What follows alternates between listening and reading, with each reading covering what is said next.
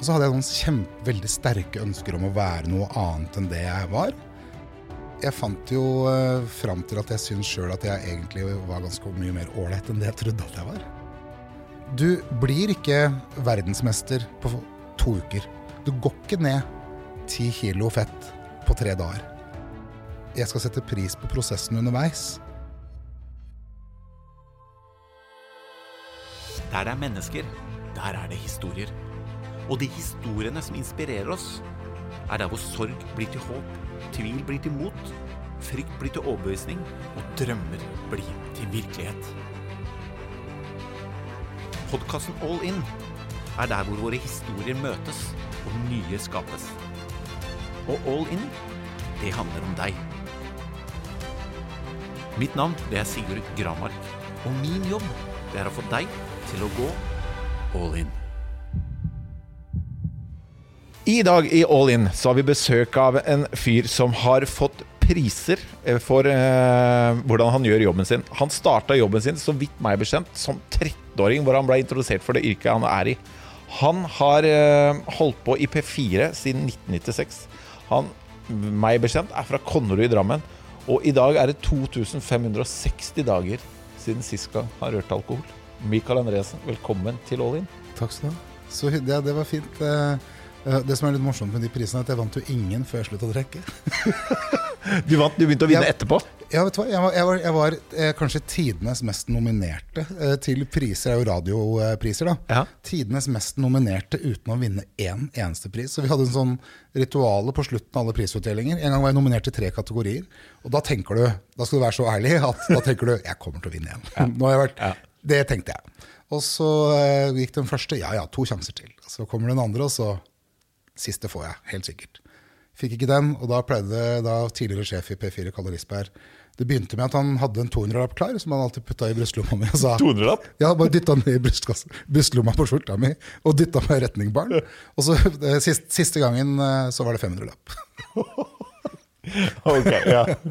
Det er jo eh, Da er det bra at det kom At det kom litt bedre tider, da. At Ja. du fulgte priser som en konsekvens av at man tok litt tak i livet sitt. Ja, og det, og det føles jo på en måte sånn.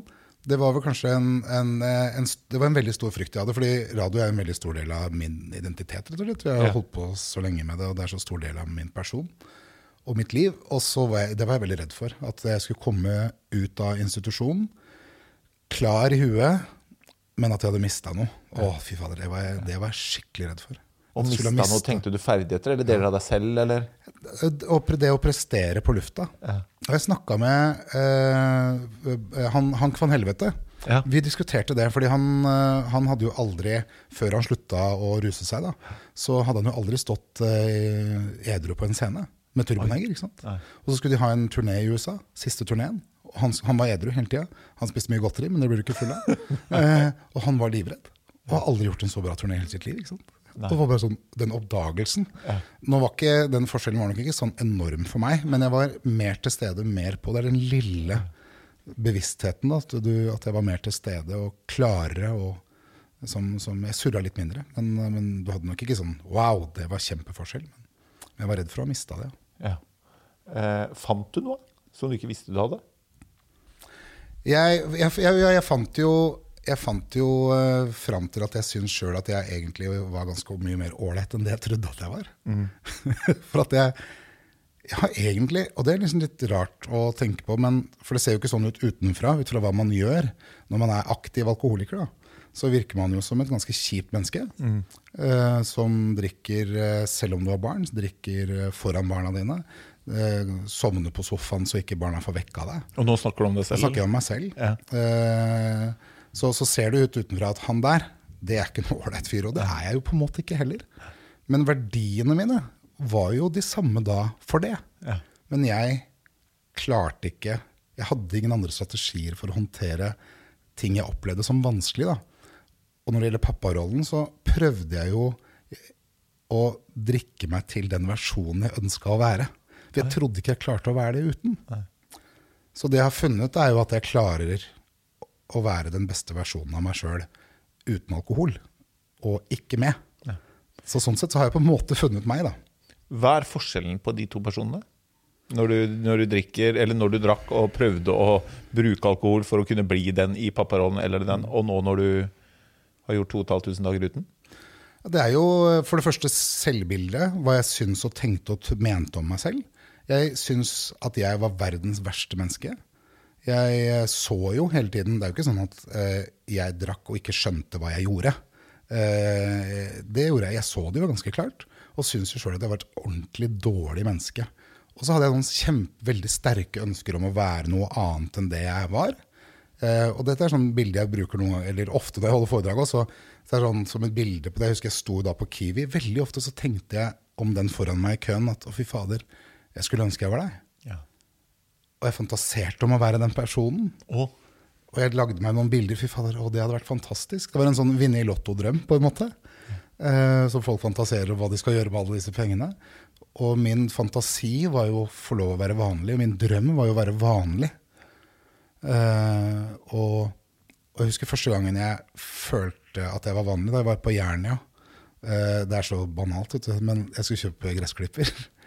Og det er så vanlig, det. det er vanlig, det er jeg helt enig. Så jeg gikk med sånn brystkassa ut, og, og jeg sa med litt sånn høy stemme, da. Jeg skal, jeg skal ha gressklipper! Den er, den er til meg. Dere ser det at jeg kjøper. Var stolt når jeg klippte plenen de to første gangene. Da, så ble det jo vanlig, det òg, men eh, ja, nå snakka jeg meg litt Men er bort. dette Det etter du har blitt eh, Etter du har sluttet Nei, da var, drikke? jeg, da var jeg blitt edru, ja. Da har du blitt edru, ja. Ja. Eh, jeg, altså Jeg har vært så heldig å få snakke litt med deg før du kom på her. Og det er viktig for meg at ikke eh, du blir Identiteten din her hos oss blir noe du har vært. At vi, vi skal ikke bare Jeg vil at du skal snakke litt eh, om andre fasetter av deg enn enn at du har eh, vært ivrig på å drikke. Ja. og, eh, men det du sier i forhold til Jeg er jo oppvokst med en far som også var ivrig på det. Og eh, er veldig klar på at jeg har hatt en lykkelig barndom. Jeg har hatt det kjempefint. Fantastisk mor, fantastisk stefar, og en far som bare var snill. Men eh, det har jo vært elementer når man vokser opp, man lurer på hvorfor ting er sånn.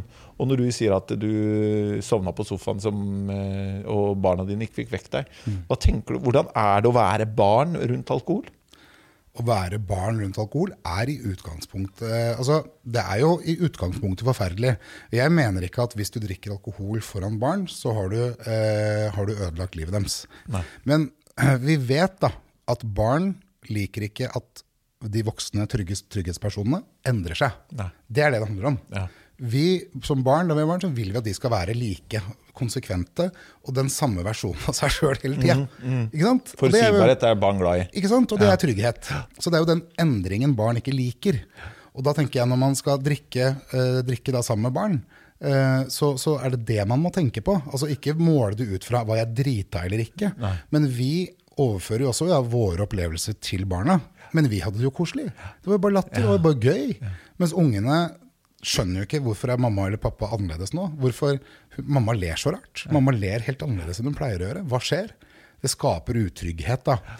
Så eh, det er ikke sånn at det er død og fordervelse eh, hver eneste gang, men du risikerer jo, og du skaper jo utrygghet rundt ungene dine, da. Ikke sant? Eh, og det tenker jeg sånn Jeg tenker sånn Rus, som jo alkohol er, det er et rusmiddel, tilhører jo egentlig oss voksne. Så kan vi voksne drive med det. Kan du gjøre det med hvem du vil, eh, så lenge ikke du skader dem eller deg sjøl, eller bøller med folk. Så, så må du kose deg så mye du vil. Men så tenker jeg, de kan ikke velge det heller. Barna, nei. Det, de, det, er du- de, det er du som gjør valgene for dem. Så jeg tror ikke at det er positivt for barn å være rundt foreldrene eller andre voksne som skal være trygghetspersoner når de drikker. Eh, Det trenger ikke å være skikkelig skikkelig, skikkelig ille hver gang. Men det er ikke noe positivt stort sett heller. Selv om det kan være det òg. Har du noe statistikk? Er det mange barn som utsettes for eh, alkoholisme eller den type Jeg tror jo, Vi må skille på de som en, blir litt lattermilde, og der hvor det blir et skadelig miljø. da.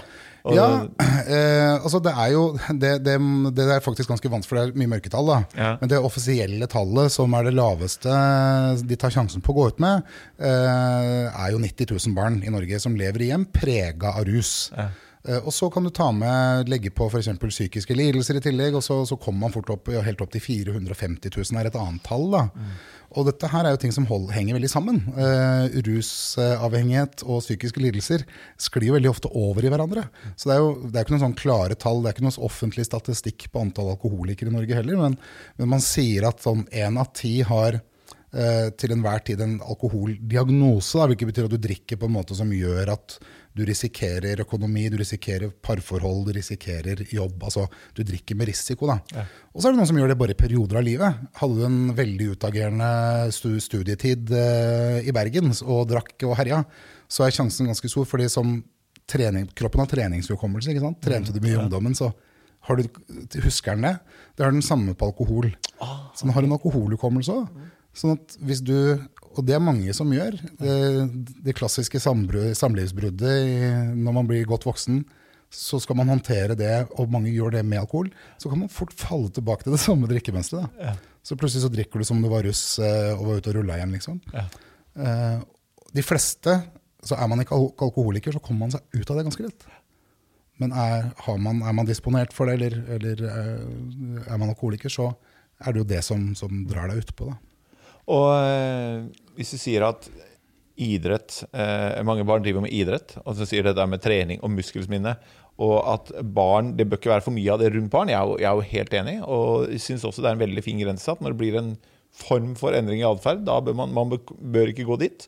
Og da vet man at det, det er et par men, men, da er det interessant å spørre hvem skal bedømme det. da? Ja.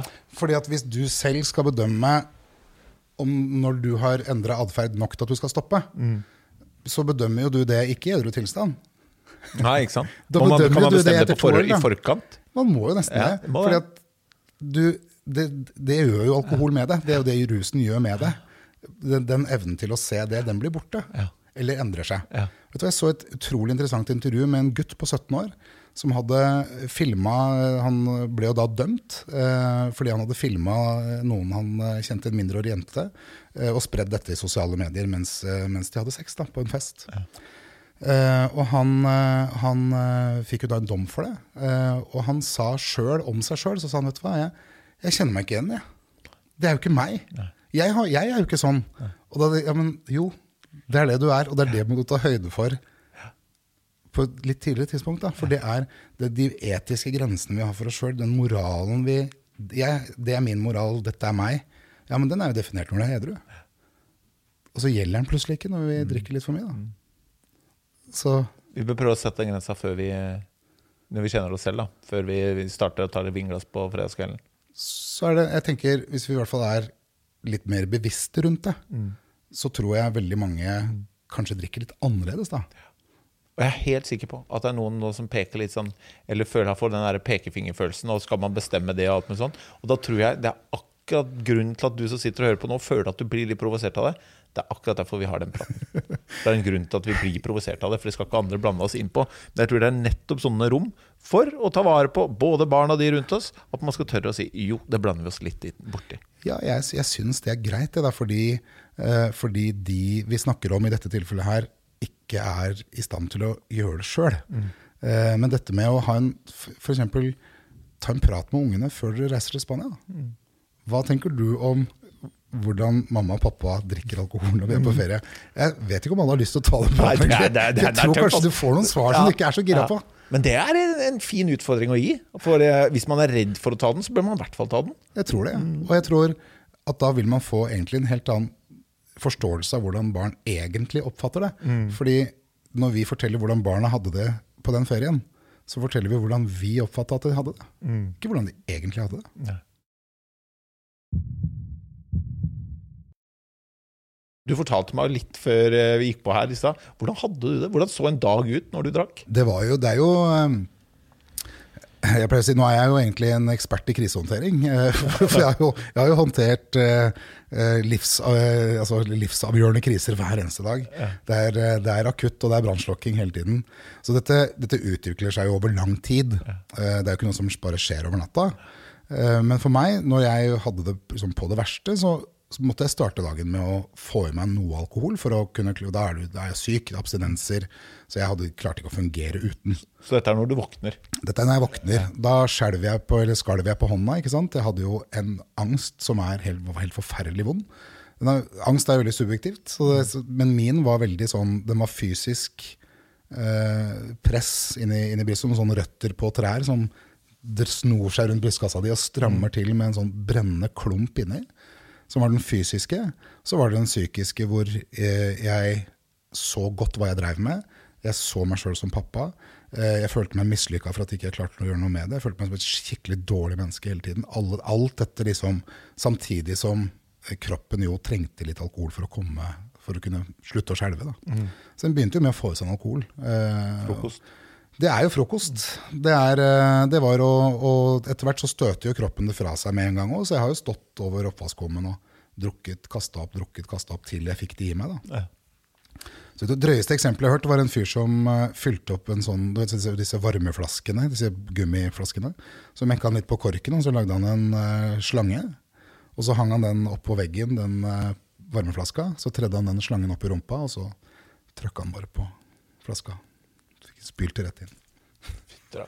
Her, jeg, altså, litt galgenhumor må du ha, ja. uh, så jeg ler av det, selvfølgelig. Ja, ja. Det er kreativt. Men dette er all den kreative kraften som ligger der, da, med å begynne å tenke gjennom hvordan skal jeg klare å skjule det når jeg kommer på jobb i dag. Kommer de på jobben til å merke noe på meg når jeg går inn?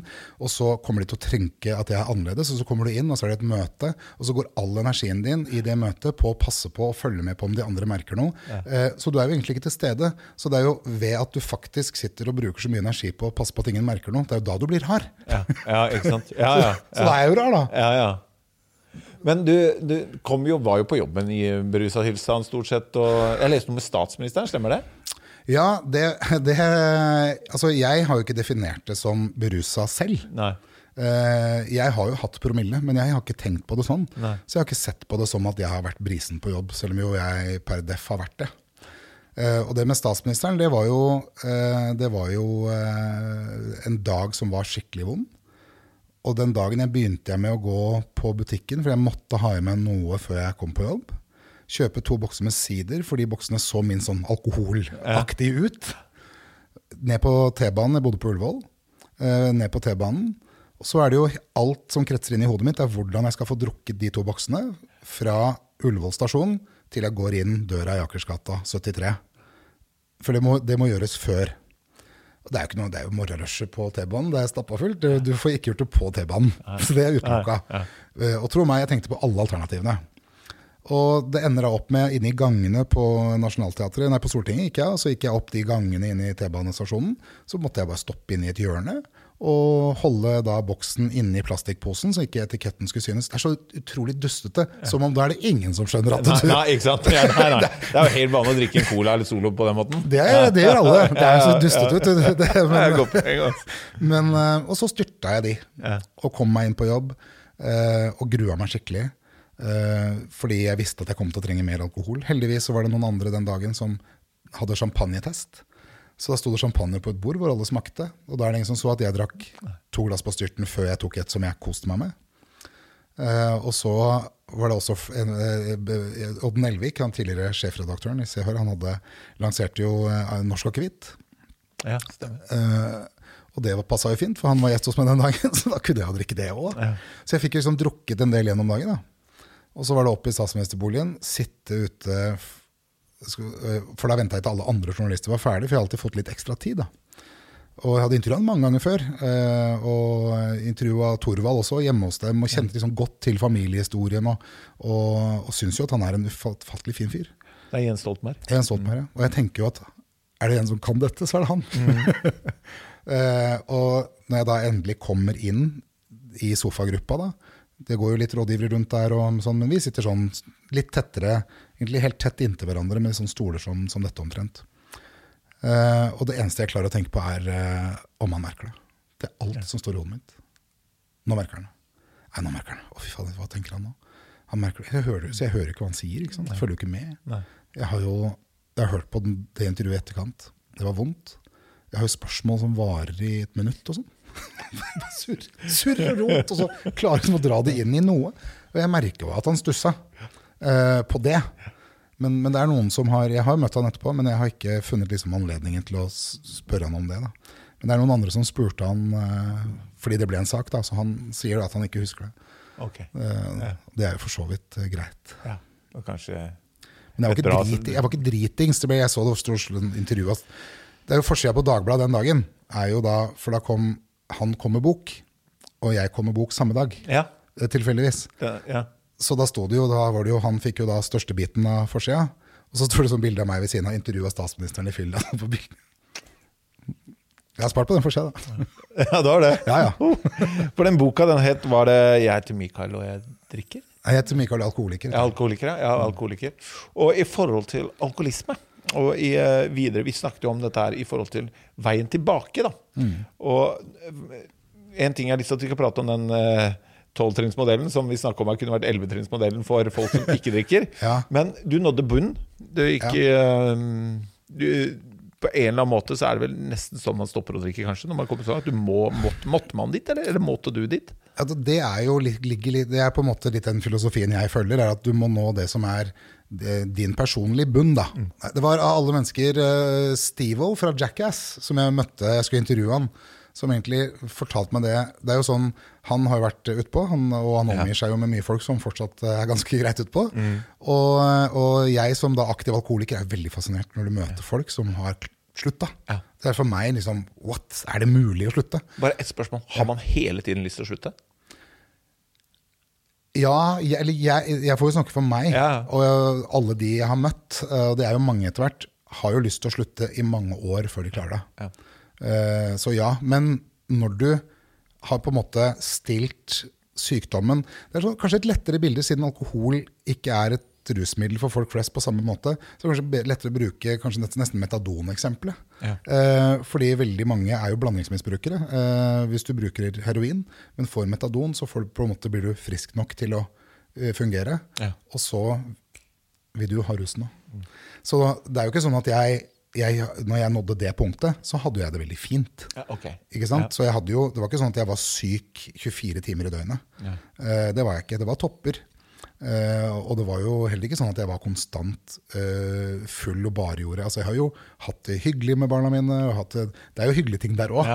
Men, men, jeg hadde alltid lyst til å klare å la være, og klare meg uten. Men, men, alt vokste seg så stort at jeg så ikke noe ende på det. Jeg hadde ingen midler for å kunne endre det, da, følte jeg. Men når du møtte Steve så ble du fascinert, og så at han hadde klart det? Ja, og da vil jo ikke jeg innrømme noe, uh, selvfølgelig. Men, men, jeg spurte egentlig på en annen måte. Da, litt sånn Ja, du er jo mye sammen med folk, Charlie Sheen og sånne som vi åpenbart ikke har slutta.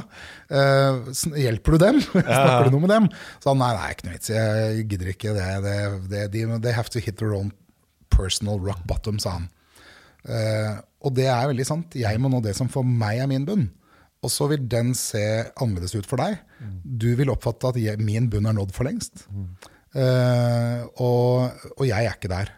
Så noen må da miste alt. Uh, jeg beholdt jo jobben min, ikke sant, for eksempel, uh, mens andre må miste absolutt alt. Og mange dør jo. Mm. Fordi du når aldri den bunnen. dessverre. Så alvorlig er det jo, ja, dette her. Absolutt.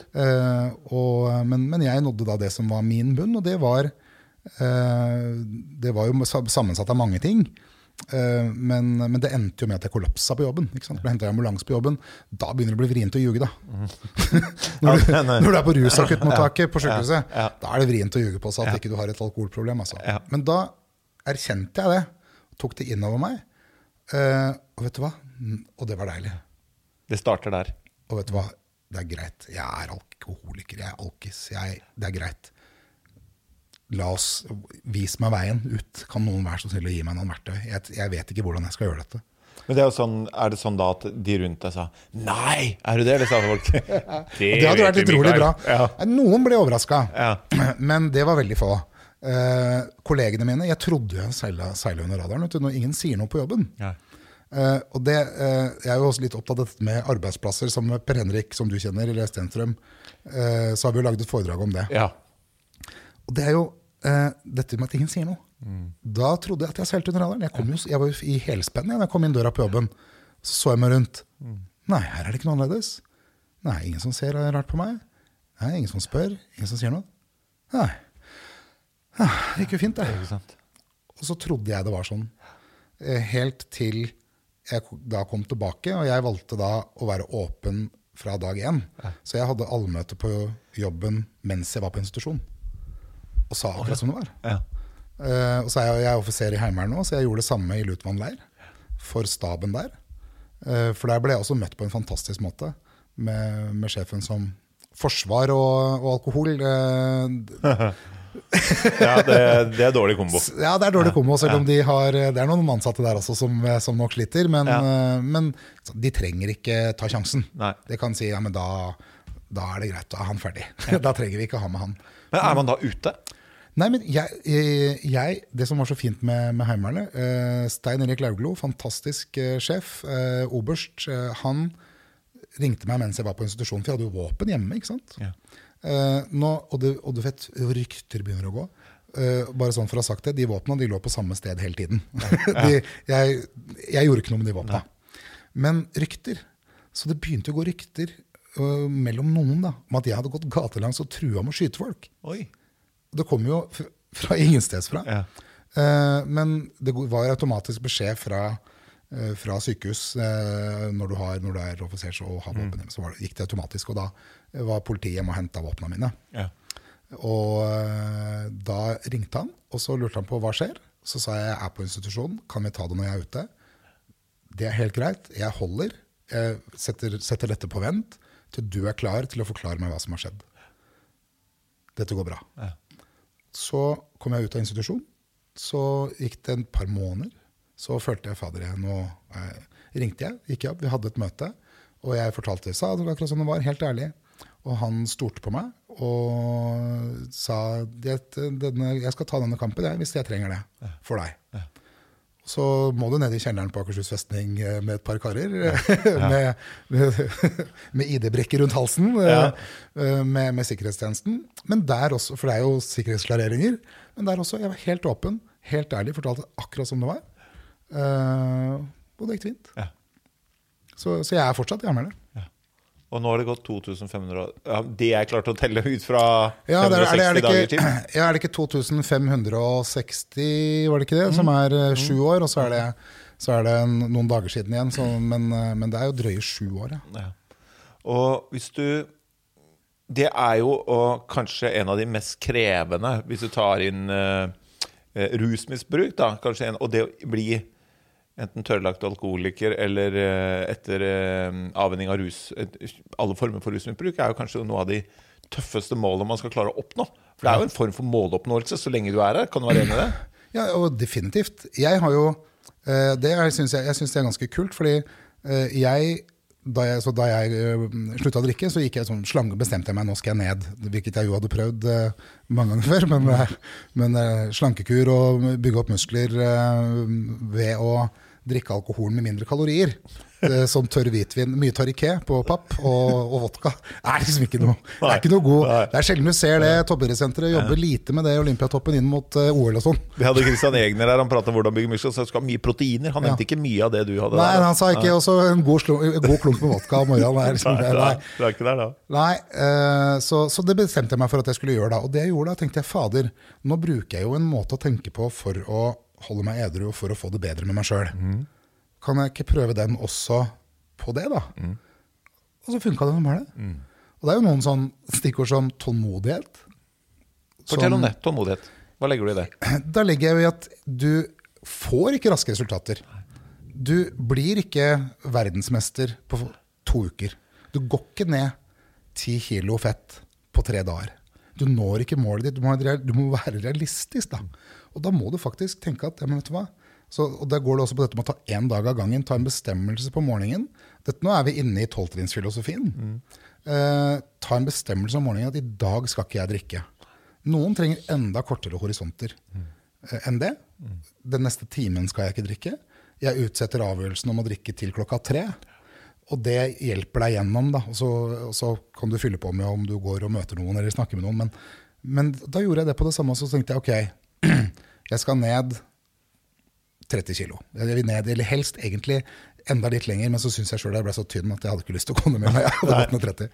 Men, men, eh, og da skrev jeg, tegna jeg på inni skapveggen, hang jeg opp en lapp med, hvor jeg skrev dato og vekt. Uh, og så hadde jeg egentlig ikke noe tidsperspektiv på det. Jeg, jeg, skulle bare nå det. For jeg, egentlig, jeg, hadde, jeg, visste egentlig ikke hvor lang tid det kunne ta. Men jeg bestemte meg for at jeg skal sette pris på prosessen underveis. Og når jeg står opp om morgenen, så skal jeg bestemme meg for at i dag skal jeg gjøre sånn og sånn, eller i dag skal jeg ikke spise godteri f.eks. For, for jeg levde jo på Det var sånn fyll boksen for 69 kroner på Kiwi. ikke sant? Mm. Jeg spiste jo én sånn hver dag. Og med to barn så må du kjøpe til dem òg. Ja. Dattera mi var jo ni. Hun spiste jo ikke opp, så jeg spiste hennes. Så jeg lå i en boks i minus ikke sant, hver dag. Jeg skal ikke spise godteri, og jeg skal spise sånn og sånn mat. Mm. I dag. Mm. Dropp i morgen. Ikke noe evighetsperspektiv. For da blir det så stort og virker så uoverkommelig. da. Mm. og så dagen etter så ser jeg ok, jeg er, er, ikke der jeg vil være. Men jeg er på et bedre sted enn jeg hadde vært hvis jeg ikke hadde gjort det jeg gjorde. Fader, så bra, da. Og sette pris på det. Så da var jeg jo på vei, da. Så den dagen ville jeg, så da bestemte jeg meg på nytt igjen. da. Og da hadde jeg vært utålmodig, så hadde jeg jo vært irritert for at jeg ikke hadde nådd målet. Så da, med tålmodighet så mener jeg det å på en måte også sette pris på veien dit. da. Og det, det, Jeg hadde så håp om at du skulle dit. Fordi alle sier sånn der smarte mål og må være tidsbestemt og sånn. Jeg syns at det tidsbestemte elementet i målstyring, mm. det ødelegger veldig ofte. Fordi vi ser ofte solskinnshistoriene på de som har lykkes. Og så sier de ja, jeg har satt det at jeg måtte være klar til det. Men det tror jeg også er en av de viktigste grunnene til at folk ikke når mål. Mm. At de ser at det bommer på tidspunktet de skulle ha nådd det. Så ser de at «Ah, jeg kommer for dårlig ut, eller, og om det er vekta di, eller om det er å bli god på jobben, eller ting du ønsker å få en ny stilling innen det, eller at du, du ønsker at du skal klare å løpe så og så fort, eller Den prosessen, eh, hvordan kroppen eller hodet ditt eller det du skal oppnå, responderer, det er så individuelt. Mm. Så at en annen har klart det, eller noen andre har sagt at du må sette tid på det som er det og det, det tror jeg ødelegger veldig ofte for folk. Jeg tror det er mye bedre å lære seg å nesten bli forelska i den prosessen, som du sier. Mm. At så lenge du gjør de rette tingene, så kommer det. Men ikke stopp for at det ikke tar den tiden du i utgangspunktet hadde ønska at det skulle ta. For det jeg tror ligger bak alle som når mål tålmodighet.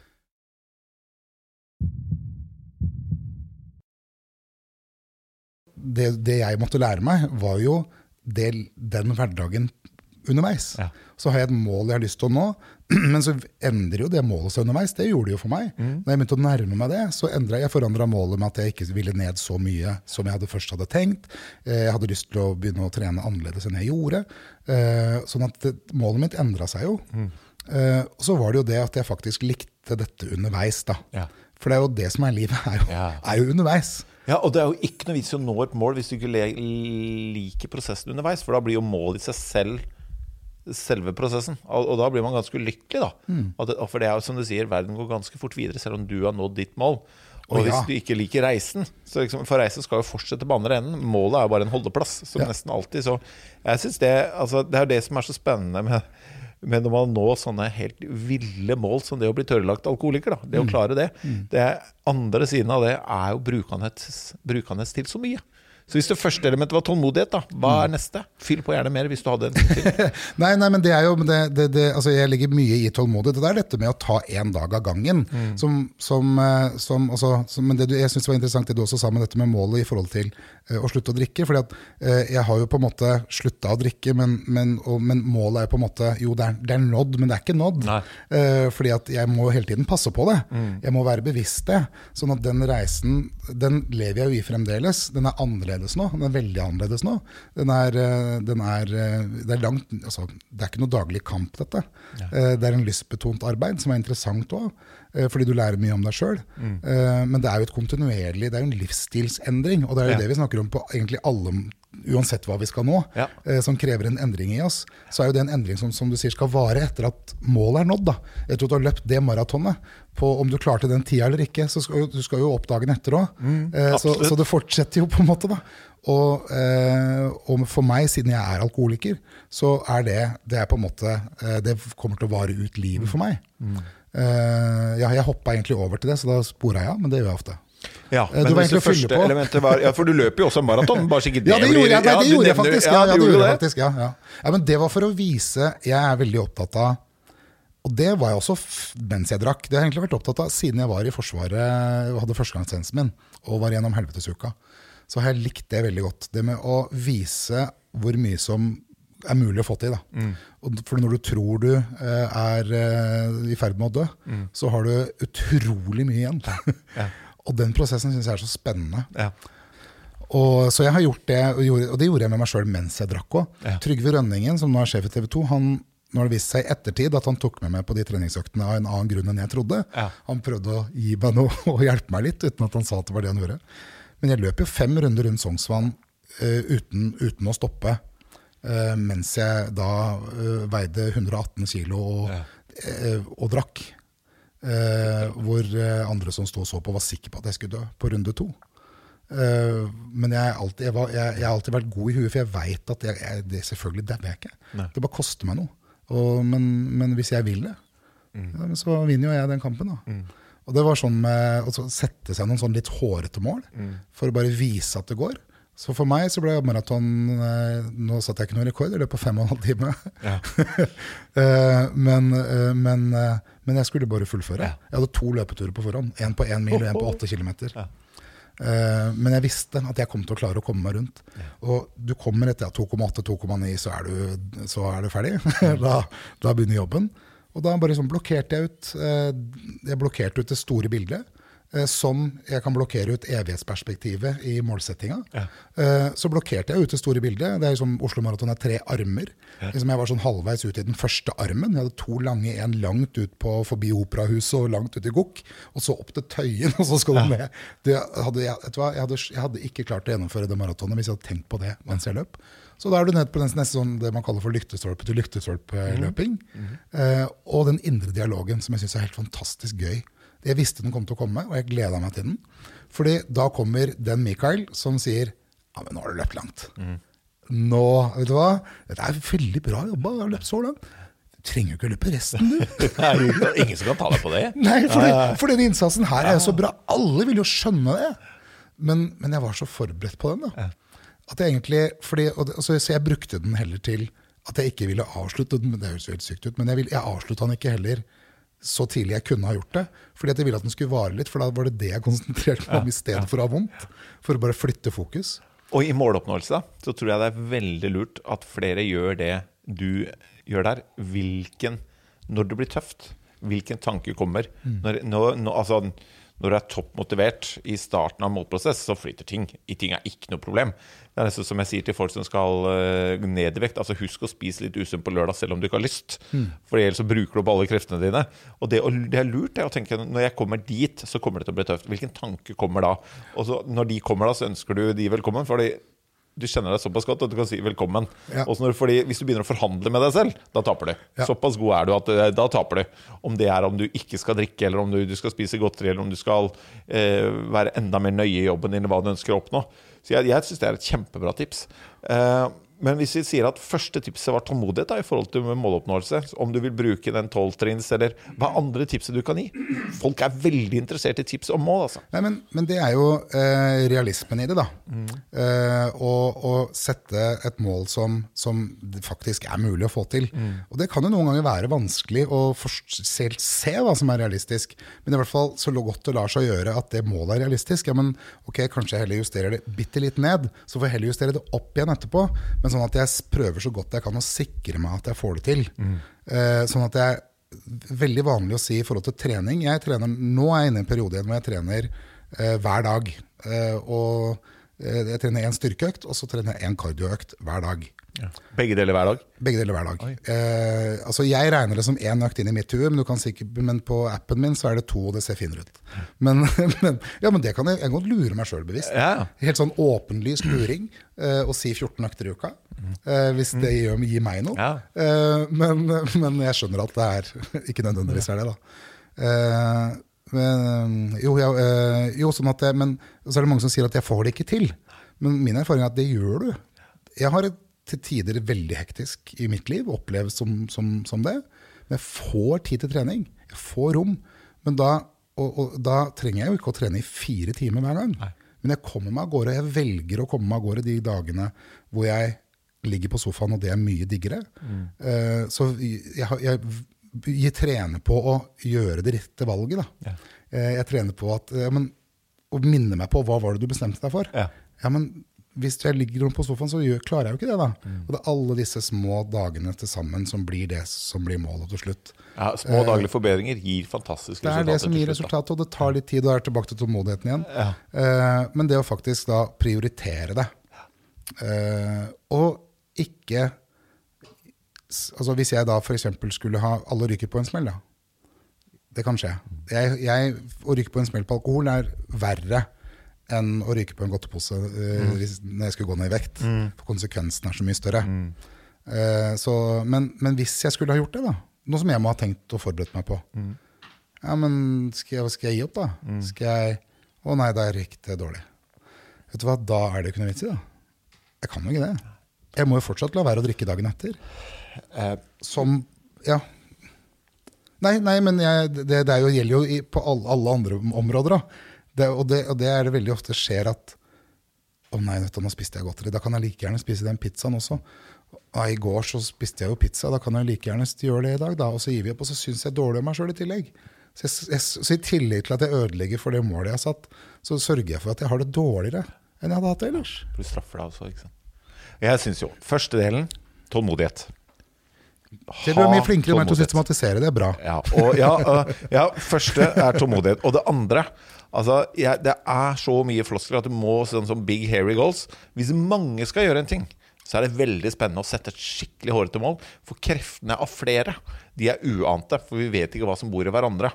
Men hvis du setter deg for store mål som person, og du ikke har nådd det før, så er det veldig dumt å sette stort sånn eh, mål som er statistisk, og din historikk sier at dette kommer du ikke til å klare. Og han Thomas Hylland Eriksen som var her, han sa til meg eh, når vi ikke var i podkasten, men det at ha mål i livet, men sett deg, vær så snill, så store at det strekker deg litt. Men sånn at du stort sett klarer de. Så kan du heller sette et nytt et neste gang. Fordi du, det gjør deg ikke godt å bomme. Så sett, jeg helt enig, en viss form for realisme, det er viktig. Og så, hvis du har satt deg mål som det er realisme i, du har tålmodighet for når du skal nå det, bare bestem deg for at det skal du nå. Og det må ikke være innen en spesifikk dato. Og som du sier da, etter det så handler det om veldig mye å prioritere. Er målet viktig nok for deg, så finner du tid til å gjøre det. Og Det er ikke sånn når dattera di og sønnen din Når de gikk i barnehagen, så tenkte du "Ja, jeg skulle egentlig henta de i barnehagen i dag, men jeg, jeg får ikke tid, liksom. det, da ringer telefonen ganske kjapt, da. Ja. Du, så det er bare, hvor viktig er det for deg? Og da må du sette det i forhold til Er det målet sånn at det er noe jeg bør bedrive hver dag? Da når du det kanskje før. Eller er dette målet noe som jeg må bedrive ting med to ganger i uka? Uansett hva det er. Men da må man prioritere de tingene der, da. Men det kanskje viktigste for, for meg eh, i, helt i starten her, er jo også at dette er noe jeg virkelig vil. Eh, det, er, det er veldig viktig også når jeg skal sette meg et mål. Så er det sånn er, Vil jeg virkelig dette? Mm. så prøver jeg så godt jeg kan å definere for meg sjøl hvorfor jeg vil det. For å egentlig gi meg selv altså at, jeg, at det faktisk stemmer at jeg vil det. At det ikke bare er noe jeg tror jeg vil. Og det er så Eh, bra, sånn fordi- det, for det, hvis jeg, ikke den viljen er der, hvis jeg egentlig ikke har hvis jeg egentlig kunne tenke meg å fortsette å drikke, hvis jeg egentlig ikke føler at jeg trenger å gå ned så mye, hvis jeg egentlig ikke har så lyst, jeg syns det er behagelig å ha det sånn som jeg har det egentlig, og så må jeg faktisk, og det handler jo, da må jeg faktisk erkjenne det, altså. Og så får jeg sette meg et annet mål. Eh, men, men for det må, den viljen, og det, det, det må være genuint. Det må være genuint, og det må være ditt. Ja. Ikke sett deg et mål for at andre mener at det bør du gjøre. Kom, for det første er det ikke noe gøy å nå, nå, det målet, fordi de du har prøvd å imponere, de er opptatt med sitt og sier så fint', så fikk jeg veldig lite klapp for det. Og så føles det ikke noe bra, og så detter du tilbake til det, det rett etter du har nådd det. En ting jeg er det, De tingene der, spol tilbake. Mer trenger man ikke, mener jeg, for å komme godt i gang i forhold til mål. Jeg, Vi hadde jo um, Herman Flesvig her. De av dere som ikke har hørt denne episoden, hør det. Herman Flesvig er fantastisk. Han sa til meg at jeg er ikke så intelligent. Jeg har ikke så høy Jeg er ikke han smarte, jeg har ikke så høy IQ, sant? men jeg er veldig god har veldig høy EQ. Jeg er god med folk, sa. Så sa jeg, hvordan vet du det? Uh, det visste han ikke. Men han har alltid bare trodd at han ikke var så smart. Og jeg er jo veldig opptatt av den derre Jeg er. Jeg liksom jeg, eh, Det er veldig mye kraft i den når vi sier at 'jeg er sånn og jeg er sånn'. Spesielt i forhold til hva vi skal klare fremover. Så er jo hva vi syns vi fortjener, og hvilken identitet vi har, er så kraftfull at det ofte står i hindring for at vi skal klare nye ting. Eh, Sigurd er sånn, eller Mikael er sånn 'jeg er alkoholiker', det syns jeg er kanskje det sterkeste eksempelet for å, har jeg tenkt på nå siden jeg skulle møte deg, at det er så kraftfullt å si det at du må aldri glemme hvem du er. Men andre siden av det, hvis vi, det er ting vi skal vi må glemme at vi er, mm. det viser jo også hvor farlig det er å si at vi er en ting som vi vil bli kvitt, eller ønsker å bli noe annet. da. Jeg, jeg, tror jeg famler litt i bildet her, men når du sier 'jeg er alkoholiker', så er det fordi du må aldri glemme hvem du er. Mens andre ting er det ting vi sier hos oss som gjør at vi aldri kommer videre fra hvem vi er. Nei, og, men jeg kommer jo aldri videre fra at jeg er alkoholiker, for det er jeg resten av livet. Ikke sant? Og det må jeg leve med. Yep. Og da fungerer det. Og da funker det fint. Ja. Fordi at, eh, det betyr jo ikke at jeg oppfører meg som en aktiv alkoholiker. Nei. Men det handler jo om definisjonen av hva en alkoholiker er. Mm. Eh, for meg så er det en erkjennelse om at jeg må ta noen forholdsregler i livet mitt. Jeg må passe på at jeg har det så bra jeg kan.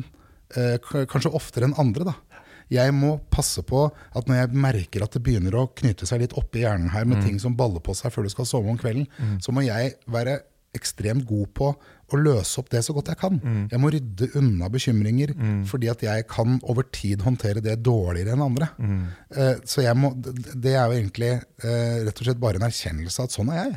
Eh, og så må jeg forholde meg til det, og det er for meg problemfritt. Mm. Jeg, for meg er ikke det skambelagt. Jeg skammer meg ikke over Nei, at jeg er alkoholiker.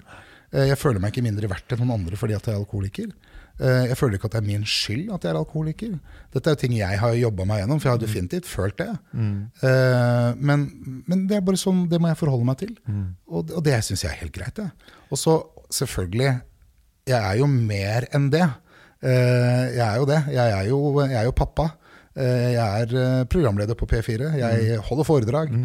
Jeg, det er mange settinger hvor jeg på en måte ikke kommer og aktivt utøver det at jeg er en alkoholiker. Uh, og det er også viktig å se med seg sjøl, da. Ja, jeg er helt enig. Altså, det jeg mener med det, er liksom den derre Det viser meg, og jeg er så overbevist om at det jeg har sagt, at det vi sier vi er, det tror vi på. Fordi, og derfor mener jeg det er så riktig også det du sier, at jeg er alkoholiker. For det gjør at du aldri glemmer det. Du skal mm. huske på det. Men andre siden er det, når du bruker det feil, hvis du sier at 'jeg er sånn eller sånn' i forhold til at man ikke er den mennesketypen eller den personen som kommer til å klare sånne ting, så er det også viktig at den andre siden av det, den viser jo når du kan sørge for at Minn deg alltid på at det å drikke, det, det ødelegger deg, den typen du er, så er det også like kraftfullt hvis du sier ting som 'jeg er en person som ikke klarer ting'. Jeg er sånn. Det er like hindrende til å gjøre nye ting. da. Ja. Så den derre 'jeg er'-settingen er så innmari kraftfull for meg. da. Mm. Så um, jeg skjønner at det fungerer. For det, det er også like hindrer den andre veien. Da, mot Nei, men, nye ting. Men jeg, skjønner, men jeg, skjønner, hva du mener, og det, er, eh, og det begrenser jo mange. For mm. de tror at ikke de vil mestre noen ting. Eh, og det er jo alt fra 'nei, jeg kan ikke spille fotball, jeg har så dårlig ballfølelse', eller eh, ja, jeg, er så, jeg, er ikke noe flink til sånt', jeg, jeg kommer ikke, jeg er litt dum', jeg, er mm. Og så begrenser man seg selv. Altså gir man seg aldri selv egentlig Uh, muligheten til å kunne klare det. Og jeg, jeg, mener jo at hvis, vi, hvis det er noe vi ønsker, ønsker veldig sterkt, så tror jeg at vi mennesker er i stand til å få til det aller aller meste. Ja, om, ikke, om, ikke, alt. Helt enig. Eh, så det aller aller meste er vi i stand til. Ja. Men det handler om å finne de verktøyene da, som, som, hjelper oss til å komme oss videre. Eh, og til å nå det, da. Til å klare det. Og da må man jo ha tro på at det det skal jeg kunne klare. Mm. Men ok, noen trenger kanskje å øve litt mer på det for å få det til. Men det er jo greit. Da er det jo bare å øve. Altså, da må du øve mer, da. Da må, da må du øve litt mer enn ja. en han eller hun må. Eh, men, men, du kan få det til for det. Ja. Men det er ikke sikkert du blir verdensmester i det. Nei, Helt enig.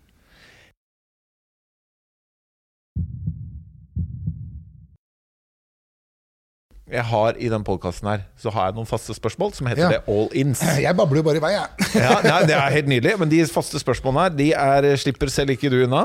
Eh, okay. og, uh, er det fasit på det, eller? eh, det er ingen fasit, ass, heldigvis. Første spørsmål er hvilke spørsmål skulle du ønske at jeg hadde spurt deg om? Å, fy fader. Det er sånn som jeg kan si til eh, de jeg har som gjester, og så er det litt, nesten litt dårlig gjort. Uh, vet du hva, det er egentlig Jeg, jeg har ikke noe, sånne, jeg har ikke noe godt svar på det, uh, egentlig. Fordi jeg er egentlig Jeg liker egentlig stort sett bare å, jeg liker å snakke om det aller meste. Ja, ja. Jeg, har ikke noe, jeg har ikke noe sånne ønskespørsmål. Men hva er du redd for? At du skal spørre? Nei, hva er du redd for? Bare generelt, hva er du redd for? Spørsmål to. Hva er du redd for? Ja. Jeg eh, kan nok være jeg, jeg, jeg er redd for ensomhet. Kan jeg, det, kan, det en, kan være en frykt i meg. Eh, at, eh, at jeg For det, er ikke noe, det liker jeg ikke. Å, å være alene, altså bli alene og jeg føle meg ensom. Så, så det kan jeg være litt redd for. Ikke sånn redd at det påvirker meg, men ja. eh, redd for at, eh, at jeg Altså i forhold til barna mine, da. Eh, at jeg ikke skal ha gitt dem nok gode forutsetninger for å kunne klare å bli og Nå kjenner jeg at det berører meg veldig sterkt. Eh, at, at jeg ikke har sørga for å gjøre alt jeg kan for å gi dem de forutsetningene de skal få for å mestre livet sitt og få det så bra at, det, at jeg kunne ha gjort det bedre. At ikke jeg skal ha gjort nok. Føler du at du har mista tid? At du har uh, Ja, til- rota bort noen år? til dels så, så, til dels så har jeg jo det, men, men det er jo ingenting som er Altså ingenting, det er kanskje å ta i, det er kanskje kjapt, men, men de aller fleste mennesker med riktig med riktige verktøy og riktig veiledning får til ekstremt mye med livet sitt med veldig dårlig utgangspunkt.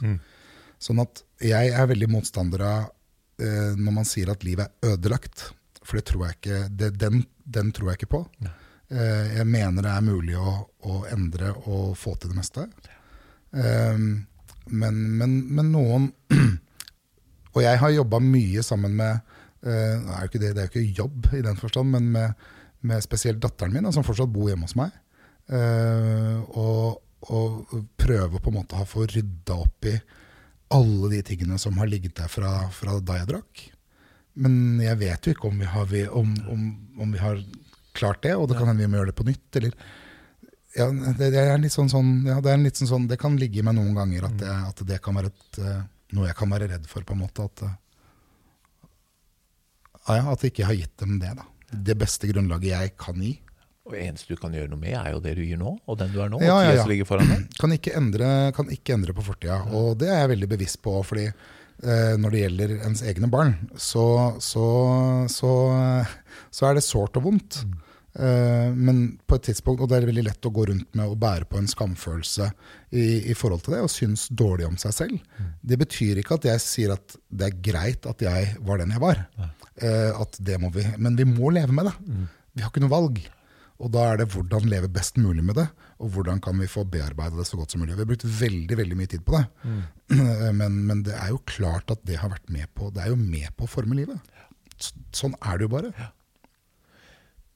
Hva drømmer du om? Det er jo, det er jo egentlig Det er den som jeg nevnte litt om dette med å være vanlig, da.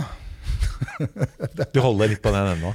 Ja, ja, fordi det er det jeg ønsker meg i livet. Jeg, jeg, jeg ønsker meg i livet Jo, jeg har jo drømmer om å, eh, om å eh, I forhold til jobb og i forhold til å gjøre ting som jeg har lyst til. Men jeg har fått lov å prøve mange forskjellige ting òg. Jeg har fått lov til å være med på innmari mye gjennom jobben min. Jeg har, jeg har testa og jeg har prøvd forskjellige ting. Jeg har? Jeg har, jeg har, selv om det begynner å bli lenge siden nå, jeg har gitt ut en plate en gang. Jeg synes det var kjempegøy. Jeg har fått gjort det. Jeg vil ikke bli artist, men jeg har gjort det. Ikke sant? Jeg Hva har, er eh, plata? var, nå var jeg dum, egentlig, som nevnte det. Det var veldig harry. I 2003 så lagde vi dance-versjonen av Ut mot havet og litt sånne låter. Gjorde du det? Ja, Ok, søk opp. Ja da, det trenger ikke det. Men, eh, men, men eh, vi gikk alltid, eller jeg da, gikk alltid på sist, for folk måtte være ganske brisne for å synes at det var gøy. Men da var det gøy. Da var gøy. Eh, Nei, men Som et eksempel på liksom, Jeg har fått prøvd å gjøre ting. Jeg har fått være med på å laget litt TV. Det er gøy å ha prøvd. Det er jo radio som er det jeg brenner for. Som er hverdagen min. Jeg har fått være med på, på store ting, store hendelser, sånn idrettshendelser, og fått jobbe med det. Som, jeg f- føler liksom at jeg har fått vært med på mye. Da. Og det, det beriker Ja. livet mitt, liksom. Så jeg har ikke noen sånn, jeg har ikke noen sånn uh, Og det har kanskje vært dumt i et jobbintervju og sagt at ikke Hva slags mål har du? Nei, jeg, altså, Ikke Bare vanlig. Bare men altså, det er fint, da. Jeg, jeg leste om det, jeg hadde det på blokka mi før du kom her, det der du sier om må være vanlig. Altså, sånn det er et veldig pris på- fine dager. Det er disse flosklene som jeg har brukt masse tid på å måtte lære meg. For jeg måtte redefinere hele følelseslivet mitt på nytt igjen da jeg slutta å drikke. Og det å gå til jobben Men når jeg da går til jobben, gikk til jobben før, så huska jeg jo ikke turen. Jeg huska ikke den i det hele tatt. Men det å stoppe opp, gå litt saktere, så jeg bruker 40 sekunder ekstra, eller kanskje et helt minutt, så ser jeg meg rundt. og tar inn over meg det som er rundt meg. Det å være altså til stede i livet sitt. Det er kanskje målet mitt, er å være til stede i livet mitt. At det er riktig å si. Eh, fordi det gjør livet så mye bedre. Eh, det å se på mennesker rundt deg, være oppmerksom på lukter, eh, det gir deg så mye. da. Eh, og det blir litt den derre lære seg å lukte på blomsten igjen, eh, som, som, som egentlig gir meg veldig mye. Når jeg evner det. Men jeg må, hvis ikke jeg er bevisst det, så blir det borte. Blir det samme igjen. Går inn i samme jaget. Går inn i tidsklemma, som for mange eh, det er den der, Du husker nesten ikke hvordan dagen i går var, for at du, du det gikk i ett. Og Det er du forskjell. slokna helt utmatta på sofaen. Ja, forskjellen på å leve et liv og være i livet, da. Bare Ja. henge på. Ja, helt enig. Eh, hvis du kunne valgt en gjest som skulle sitte i den stolen din, hvem er din drømmegjest her? Eh, vet du hva? Jeg syns jo det er utrolig kult med folk jeg syns er veldig interessante å høre på. Eh, og eh, nå går jo ikke det lenger med Frank Aarbrot. Eh, for, en mann. Og bare, altså jeg har jo hatt han som gjest noen ganger. Eh, jeg sitter med åpen munn og eh, er så full av respekt at jeg er nok en ganske dårlig journalist. men, men sånn er Ja. Sånn er det bare noen ganger. Eh, og jeg har litt den samme også med, med Sylfest Lomheim. Som, som jo var direktør i Språkrådet uh, før, men jobber, jobber i, er det Kristiansand på universitetet her nå. Det er noe med kunnskap uh, og eh, Det, det, det, jeg syns de er så fascinerende, da. Mennesker. Så, ja, Sylfest Lomheim. Veldig kult. Ingen som har foreslått han før. Nei, men Da eh, skal vi gjøre det vi kan for å få tak i Sylfest Lomheim som din drømmegjest. Altså. Da hilser vi fra deg, Ja. Det må du gjøre da. Ja. Det hadde vært kjempegøy. Jeg syns han er en fantastisk fyr. Og, det, og sist jeg intervjuet han, så skjedde det akkurat det samme med, med kritisk sans blir borte. Uh, og du, og du tar, det er alt han sier er klokt. Du blir sånn fan, liksom. Du blir fan. Ja, ja. Ok, men uh, vi skal gjøre det vi kan. Og hvis det sitter noen i Kristiansand-området eller andre steder som kjenner han, hils og si at vi kommer til å ringe snart. Hvis du må droppe alt du gjør i dag, Mikael, bortsett fra én ting som du må gå all in på, hva er det? Og da skal vi liksom se bort fra eh, sånn, det å være pappa og Ja. sånn, på en måte. Ja, jeg må liksom rydde er unna, Ja, bare rydde unna de viktige Ja. tingene i livet først. Yes. Dette her skal være mitt fokus i hele 2019, typ. Jeg Vet du hva? Akkurat nå så syns jeg kunne jeg Hadde jeg syntes det hadde vært gøy og gjort det med å rett og slett bare reise rundt og holde foredrag. Ja. For jeg syns jeg, jeg liker det så godt. Jeg syns det er så givende å kunne få lov å gjøre det. Uh, og jeg liker, jeg liker settingen så utrolig godt. Og den kontakten du får med publikum, dette vet du masse om, uh, for du har hatt mange flere foredrag enn meg. Uh, den kontakten du får med mennesker når du står der, når de sitter foran deg, som altså, den umiddelbare responsen på ting, og de interessante diskusjonene du har etterpå med de menneskene du møter, det gir meg så mye. Så akkurat nå så er nok det, er nok det svaret mitt. At eh, det Ja. Og jeg kjenner jo Per Henrik Stedstrøm, makkeren din også. Og jeg uh, syns det foredraget er viktig. Og jeg eh, tror det hadde vært en veldig klok og bra bruk av tid. Og for dere som eh, vurderer der ute, det, jeg anbefaler dere å ta en nærmere titt på det. Og hvis de skal gjøre det, hvor får de tak i deg? Det er jo vi eh, Det er jo på Vi er hos uh, Athenas, og vi er på Norsk foredragsformidling. Uh, ellers er jo jeg på Facebook, og Per Henrik er på Facebook. Uh, så det er jo egentlig bare å ta kontakt. Og avhengig heter det jo, da. Og det som er så kult med det, er jo Altså Jeg holder jo min historie, Per Henrik holder jo masse foredrag for seg sjøl. Men den derre Å holde den fra mitt perspektiv som arbeidstaker og han som da var min sjef, samtidig. Uh, For det, det du tenker når jeg forteller om hvordan jeg hadde det på jobb, så vil du umiddelbart tenke Men i all verden, hvorfor gjorde de ikke noe? Ja, ikke? Og for- Akkurat altså, vi snakker om en bedrift som rydda opp økonomi, i økonomien min tre ganger. Tok over gjelda mi. Uh, Tenk deg det. Å gjøre det. Og, det er sånn, og jeg, du opp, det er noen amerikanske forskere som definerte avhengighet sånn enkelt med en setning. Det skjer noe inni hjernen som gjør at du oppfører deg på en måte som eh, av alle andre oppfattes som ren galskap. Så P4 rydda opp i økonomien min, ringte rundt til kreditorene betalte ut. Fantastisk. Og jeg ble da fri for betalingsanmerkning. Det første jeg gjorde var, mens jeg satt hjemme og drakk en kveld, kjøpte ny Mac på avbetaling. Det er ansatt for helvete, vet du. What the hell, tenker du da som sjef? Eh, hva, hva tenker du med? Eh, og så er det så mange som ikke tør å si noe. De vet ikke hvordan de skal nærme seg. De aner ikke hvordan de skal håndtere det. Og det er så mange altså Det jeg har lyst til, er egentlig vet du hva, det, det vet du hva jeg har lyst til. Nå kommer jeg på, for det har jeg tenkt på i det siste. Det er å lage et sånn hvordan vil vi ha det hos oss-opplegg. Ja. Så kunne reist rundt på norske arbeidsplasser og egentlig sammen med de som jobber der. Sånn de som er sjefer også, for det er ikke så lett å være sjef heller. Eh, I hvert fall ikke når det gjelder sånne ting. Definitivt ikke. Eh, Det er det ikke. Altså, per Henrik han sto jo og skulle gå Vasaloppet han, Mm. i Sverige når jeg kollapsa på jobben. Han hadde ringt meg dagen før for å høre hvordan det gikk, for han syntes det låt litt ruskete. Ja. Mens jeg i andre enden ja, Nei, det går så bra. eh, har, ikke, har litt dårlig tid nå. Ja. Og jeg dagen tenkte han, han, han er jo glad, for han har aldri gått Vasaloppet så fort. Men, Nei, men, Det men, eh, men det er jo fortvilende bare å være sjef også. Men jeg reiste rundt sånn at de ansatte også kan, vi, vi kan bli litt bevisste bare. Ja. Som jeg var innledningsvis i forhold til at alkohol er et rusmiddel. Mm. Bare en bevissthet eh, rundt å bli enige, egentlig. Mm. Sånn, sånn vil vi ha det hos oss. Ja, nei, men Kan vi ikke bli enige om det, da? Ja. Og så lager vi det sammen. Og så er det et sett med leveregler vi har lyst til å ha på arbeidsplassen vår.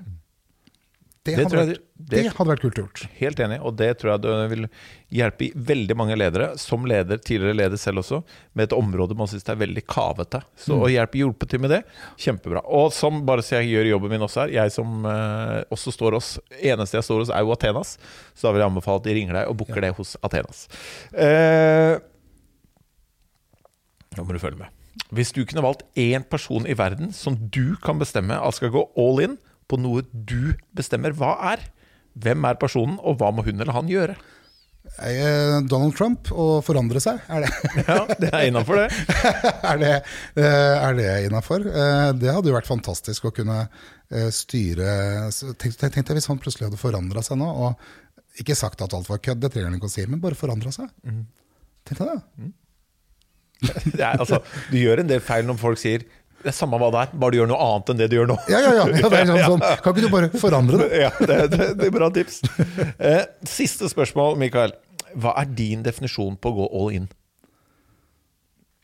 Min definisjon på å gå all in Jeg har jo kanskje noen ganger en eh, eh, Altså at det, at det å gå all in på en måte eh, har slått ut negativt. I, I den forstand at jeg har eh, Og da tipper det over i avhengigheten. Det er litt sånn hvordan man definerer det. da. Sånn som jeg går all in med trening, men det handler jo om konsekvens. ikke sant? Det er sånn, ja, jeg går all in, så kan du utenfra se fy fader, det er bra, nå får du til å trene jæskla mye.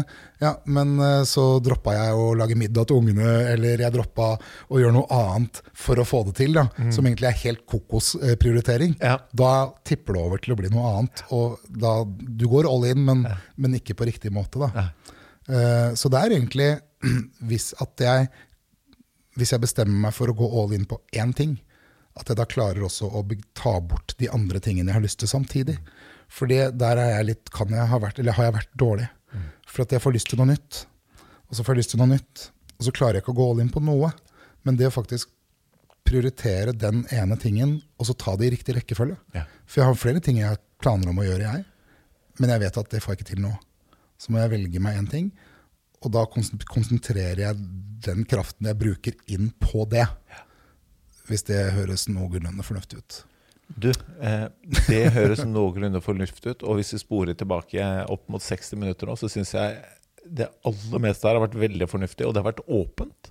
Og det har vært ærlig. Og jeg håper Dette er et tema vi aldri har hatt her før. Jeg håper de som har hørt det, eh, både bruker det til noe og, og, og lærer noe av det. Og om det er om rundt barn, eller om det er å nå mål, eller om det er å se folk som kan trenge å bli sett på arbeidsplassen, eller om det er å få litt hjelp til hvordan man skal løse det på arbeidsplassen av, av deg og Per Henrik. Jeg syns det var veldig fornuftig, og jeg takker deg for at du kom til All In, og ønsker deg alt godt. Det var veldig hyggelig å komme, og tida har gått veldig fort. Eh, Jeg er såpass glad i min egen stemme at det er sikkert fordi jeg har skravla mest.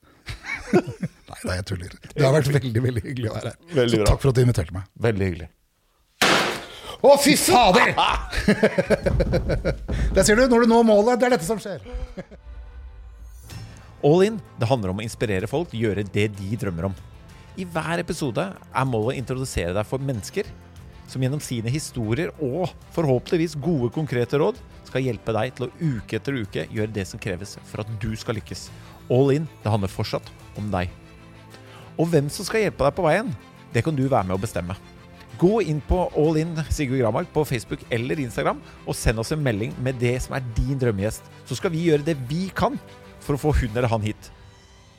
Liker du denne podkasten, så setter vi stor pris på om du kan gå inn og rate oss på iTunes. Det vil hjelpe oss å få dine drømmegjester hit i fremtiden. Og vil du vite mer om det å gå all in, så kan du gå inn på allin.no. Der får du vite om det All In Academy, du får vite om foredrag, du har bøker der, og du har masse materiale som vil inspirere deg. Tusen takk for at du lytter på podkasten All In.